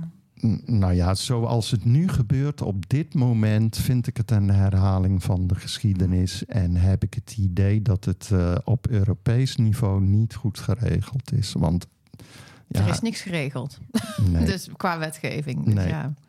Nee, Nee. goed, we hebben de Europese Verklaring van de Rechten van het Kind... en daar houden we ons vervolgens in allemaal landen niet aan. Nee, precies. Ehm, en en, en ehm, ja, ik geloof persoonlijk dus niet dat het in het belang van het kind is... om een, een, een, een, een, een buitenlandse donorvader of donormoeder of eh, allebei te hebben. Want je wil toch inderdaad, bedoel, als, als het gaat om dat contact... wat jij zegt, van je, je, wil, je wil iemand diep in de ogen kijken... maar je wil ook wel gewoon contact kunnen maken. Je wil wel... Nou ja, precies. drempel. Kijk, ik, ik vind het eh, wel in. Ik vind het in het belang van het kind als het goed geregeld is en als er een directe toegang is eh, naar een donor op het moment dat dat ook gewenst is. En dan eh, zit dat voor mij niet aan leeftijd gekoppeld. Niet aan leeftijd en, en, en, en liever niet in het buitenland. Nou ja, in deze situatie, nee, liever Ja. niet. Als dat goed geregeld zou zijn, dan zou ik het misschien nog een ander verhaal vinden. Maar dan, dan kom je natuurlijk een aantal aspecten tegen die het ingewikkeld maken. Kijk, Nederland is een klein land, woont eh, de donor in Groningen. Ja, dan ben je zo. Maar heb je een donor die in het puntje van Denemarken woont, ja, dan ga je niet zomaar naartoe. Precies. Dus het opbouwen van een relatie, dat is vrij ingewikkeld. En dat kan in Nederland wel. En, en dat zie ik ook wel gebeuren tussen uh, donor en donorkinderen. Dat er relatie opgebouwd wordt in allerlei soorten, Ja. maten en vormen. Intensiteiten. Ja. Ja. Nee, goed, want vandaag stond er een stuk in de, in de krant, in het AD. eh, en daar, daar werd, dat was echt pagina groot. eh, nou, de oplossing eigenlijk voor mensen die eh, ongeveer bijna alles geprobeerd hebben en dat niet lukte. Maar dit was dan toch een stel die hadden dan een kindje gekregen met een Portugese eiceldonor. En in dat stuk staat dat dat kind dan op de achttiende contact mag met die donor. En ik- ja, wat, wat, wat, wat, wat, wat, wat- ik weet niet of je het stuk gezien hebt. Nee. Ehm, Ja, ik vind het zeer ingewikkeld. Ja. Ja. Nee, ik denk namelijk, weet je, ik, ik zou heel graag willen dat ouders deze podcast luisteren. En dan is het ook belangrijk dat ze horen wat een professional, weet je, wij zijn ervaringsdeskundigen. Ja. Wij, wij, nou ja, weet je, als het, als het intens wordt hier aan tafel, ga ik huilen. Jij, dit is jouw business, weet je wel, dit is jouw, dit is jouw werk. Ja, Ehm. als, ik, als ik daarin een advies zou mogen geven Ja. aan de ouders, of het mogelijk is of niet, dat is dan een tweede. Maar ja, ik denk dat je de meest ideale situatie hebt dat je eh, een, een kind krijgt met een donor die eh, binnen bereik eh, Ja. is. Is er iemand die je kent of iemand die... Wat bedoel je met binnen bereik? Ik, ik, doe- ja, iemand die je kent. Kijk, uit eigen kring, dat zou natuurlijk ideaal zijn, maar dat is vaak ingewikkeld. Maar dan zou mijn voorkeur wel hebben dat het iemand is waar je op zijn minst kennis mee gemaakt hebt. En waarin je weet dat hij lekker ruikt. bijvoorbeeld. Ja. Ja. Of waar het niet heel ingewikkeld is om, als er dingen zijn, ja, dat je de telefoon pakt of een mailtje stuurt van luister, Ja. dit is de situatie, wil je? Mhm. Dat is, dat is het meest ideaal. Ja. Want 18 is nog ook al eh, eh, een lange tijd, hè? Als je nog 18 jaar moet wachten als eh, donorkind. Dus Nou ja, ja daar, daar kan ik wel wat over zeggen. Want nu is natuurlijk, we zijn bezig om te kijken of dat die leeftijdsgrens eraf kan. Eh, ik denk dat het een goede is. Ehm, niet altijd, niet in alle situaties. Maar wat ik wel zie in de loop der jaren is, kijk, op het moment dat je 18 bent en je gaat je biologische ouder ontmoeten, dan is het ingewikkelder om daar relatie mee op te bouwen dan wanneer je heel jong bent. Ik heb bijvoorbeeld met een donor eh, toen er was eerst een match met een donorkind en die bleek nog een broertje van 8, 9 jaar te hebben. Nou ja, die hebben we betrokken. En je ziet ook dat tussen die donor en dat jonge kind, dat daar eh, een, een andersoortige relatie ontstaat dan door het oudste kind, wat al boven de 16 was, die het contact ging zoeken met de donor. En je bent natuurlijk ook voor een belangrijk deel, je bent al door je puberteit gegaan. Je identiteit is al voor een groter deel Ja. gevormd eigenlijk. En, maar dat maakt het ook ingewikkelder om te kijken van ja, maar en wat heb ik, wat heb ik dan van die man? Of wat betekent dat? Of terwijl als je jonger bent, dan gaat dat allemaal natuurlijker, stel ik me zo voor. Dat en wat ik daarnet zei, relaties worden gedefinieerd door de geschiedenis die je met elkaar Dus opbouwt. is minder hard werken eigenlijk. veel minder hard werken. En eh, eh, een, een, een kind staat in die zin toch wat onbevangener. mhm. Een, een, een, een wat ouder kind is al veel meer gevormd. Ja. ja, en ik kan me ook zo voorstellen dat dat ongemak, wat, wat ik me kan voorstellen, wat ik zou hebben, hè, als je iemand ontmoet die dan je vader is, maar die je niet hè, je hele leven niet hebt gekend, dat dat ongemak bij kinderen die jonger zijn daar wat minder is omdat die gewoon de situatie accepteren zoals die is. Oh, ben jij mijn vader? Oh, leuk. Ja. Nou, zo. Ja, Terwijl als je, hoe ouder je bent, ja, dan, eh, ja, hoe verhoud je je dan tot iemand? Mij lijkt dat ingewikkelder. Ja, maar, ja. maar er zit ook wel een ingewikkeldheid eh, in, vind ik. Omdat ik het ook wel eens tegenkom dat eh, ouders bijvoorbeeld willen dat er contact is met de donor, omdat er allerlei problemen spelen binnen het gezin of met het kind. En die zien dan het zoeken en ontmoeten als oplossing voor de Oh, ja. problemen. Ja. En wat ik dan tegen die ouders zeg is... eh, prima om je donor of je biologische vader te gaan zoeken en ontmoeten. Maar weet dat dat niet de oplossing is voor Nee. de problemen die spelen. Die, die zullen er eh, nog steeds zijn. Alleen, daar wordt een aspect aan toegevoegd. Ik kan me wel voorstellen, hè, dat er zijn natuurlijk best wel veel ouders die denken dat ze een probleemkind hebben.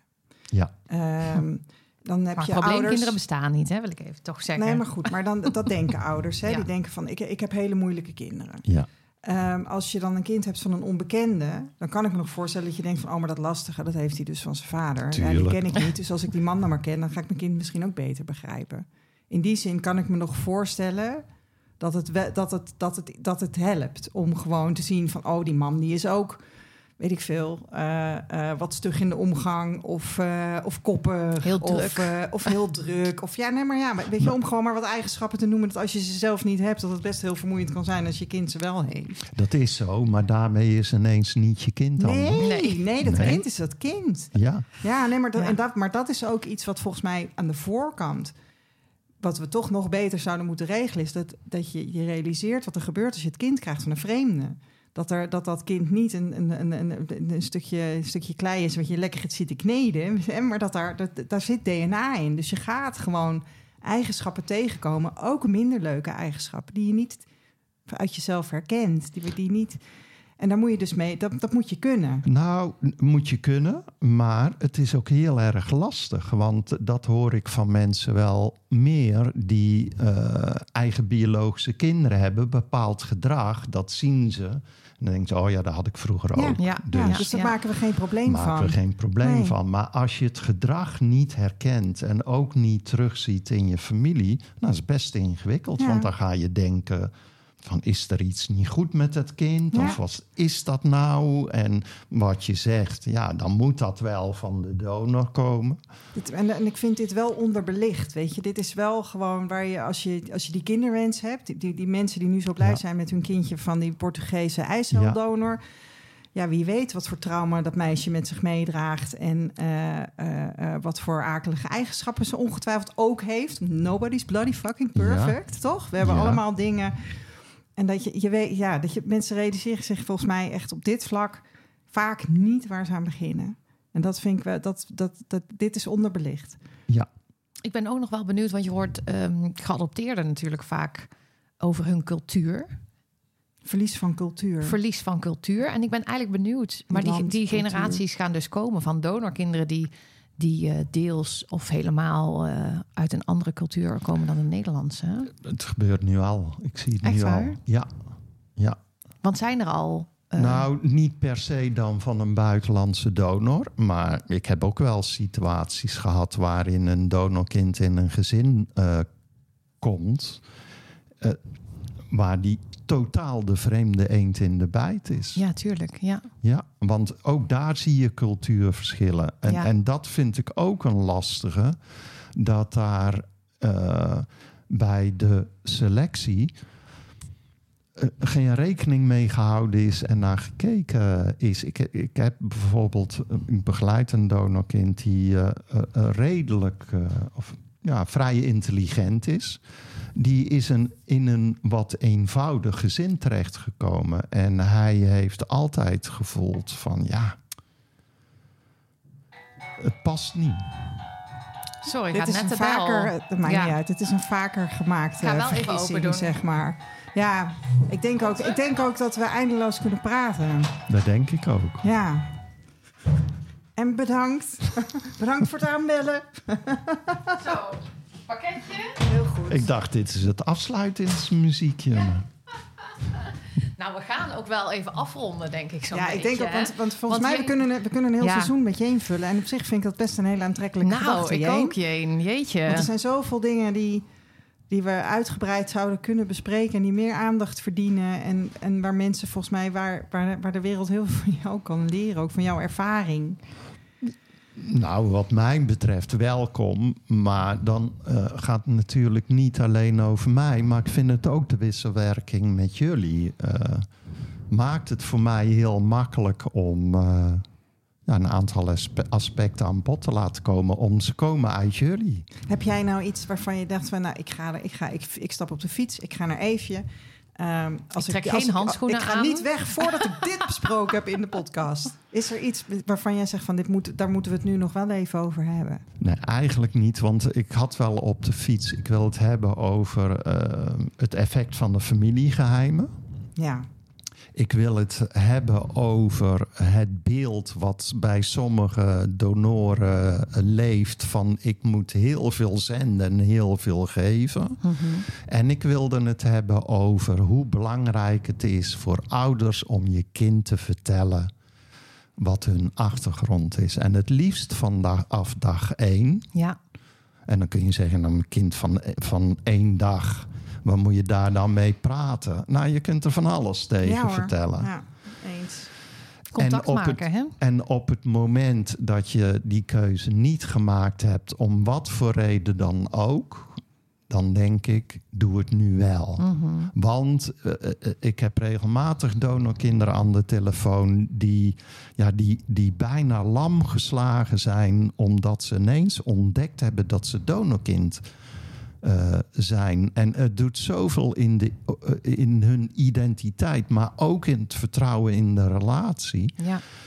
Denk ik, eh, wees dat voor. Ja, nou en ik denk ook als je het zelf besluit te vertellen, da daarmee laat je ook zien dat je dus bereid bent die stap te zetten en te zeggen van weet je, ik heb daar zo lang niet over gesproken, maar nu kijk ik er anders naar en nu vind ik dat ik het moet vertellen. Dat, maar ik vind ook dat ouders een heel groot risico lopen. Want we kennen het allemaal. Tante Truus, borreltje op op een feestje. ik weet nog iets voor jou. Zo Ja. kan het naar voren komen. Ja. Maar ook met de internationale databanken, wat ik daarnet Ja, vertelde. En wat je eh, ook regelmatig ziet, is dat soms in familiesystemen. De hele familie weet hoe het zit, behalve het kind zelf. Ja. Dus je loopt nogal wat risico's dat het kind er zelf op een of andere manier achter komt. En ja, dat moet je echt zien te voorkomen. Dat is veel beschadigender allemaal dan dat je zelf met je kind gaat zitten. ja. Precies. En, tot, en met tot een gesprek komt. En, en, Precies. En, en het is mooi dat je dat zegt, Esther. Want in het gesprek, natuurlijk is het spannend. En natuurlijk voel je je schuldig. Maar in het gesprek kun je uitleggen... Ja, wat voor jou de argumenten zijn geweest dat je toen Ja. niet verteld hebt. Ja, dat, dat, dat lukt allemaal niet meer als het kind het zelf ontdekt heeft. Want die zal zeggen, ja, mooi verhaal. Maar het klopt niet. Ja. ja. En je wil echt gewoon. Je wil dit, ja, je wil, je wil dit van je ouders horen. Ja. Je wil dit gewoon van je ouders horen. Nou ja, dat Ja. wil je omdat je daarmee ook een stuk relatie herstelt. Ja. eh, wat, wat troebel is geworden en verstoord door het familiegeheim. ja. Dat is een manier om het toch weer enigszins te herstellen. En dan zeg ik ook, ook daarna, het is niet alleen het vertellen. Het gaat om vertellen en openheid. Open blijven, ook naar je omgeving. Ja. En je kind de toestemming geven. Je weet het nu en je mag het vertellen. Het is jouw verhaal. Nou, stel nou dat je na deze mooie ehm, tips van Jeen denkt van ja, maar ik, ik heb toch nog wat meer eh, advies nodig. Dan kunnen mensen dus met uh, Viom contact Ja. opnemen. Hè? Dus dat is wel hartstikke fijn. Niet allemaal met je één. We, we hebben Nee, meerdere Vion, collega's. Viom.nl en dan komen ze er wel, Ja, denk ik. Ja, Nou, fijn Jeen. Heel erg bedankt dat je er was en dat je deze verhalen met eh, ons wilde delen. graag gedaan. Ik je vond, persoonlijke connectie. ja, ik vond het erg leuk om te doen. Fijn. Nou, hè, en wie weet kom je volgend jaar of zo nog eens terug met eh, nieuwe verhalen. Altijd welkom. Leuk. Fijn. Dankjewel, Jeen. Dankjewel. Graag gedaan. Gaan we meteen de intro opnemen? Nou, we moeten eerst nog zeggen dat mensen vriend van de show kunnen worden en zo. Oh, inderdaad. toch? Ja, en Ik- dat ik de ga er even muziek, voor eh, zitten. de muziek eh, Speak Easy van Shane Ivers is en te vinden is op silvermansound.com. Fantastisch. En je kunt dus vriend worden van de show via vriendvandeshow.nl slash de Ehm, we kunnen alle steun goed gebruiken. Ehm, vind je het een fijne podcast om te luisteren? Deel hem. eh, ofwel eh, eh, roepend op social media of één op één met iemand waarvan je denkt dat hij dit moet horen. En dan horen we je heel graag de volgende keer. En dan zijn we bij Stef. We gaan, we gaan naar Enschede. En in Eindschede, Eindschede. Eindhoven en Enschede. Nee, Enschede. in Enschede. En ehm eh, Stef was eerder bij ons te gast, maar ja, die heeft een update. Dus daar Ja. gaan we met haar we over gaan in bij- bijpraten met Stef. Tot dan. Toedeledokie. Dag.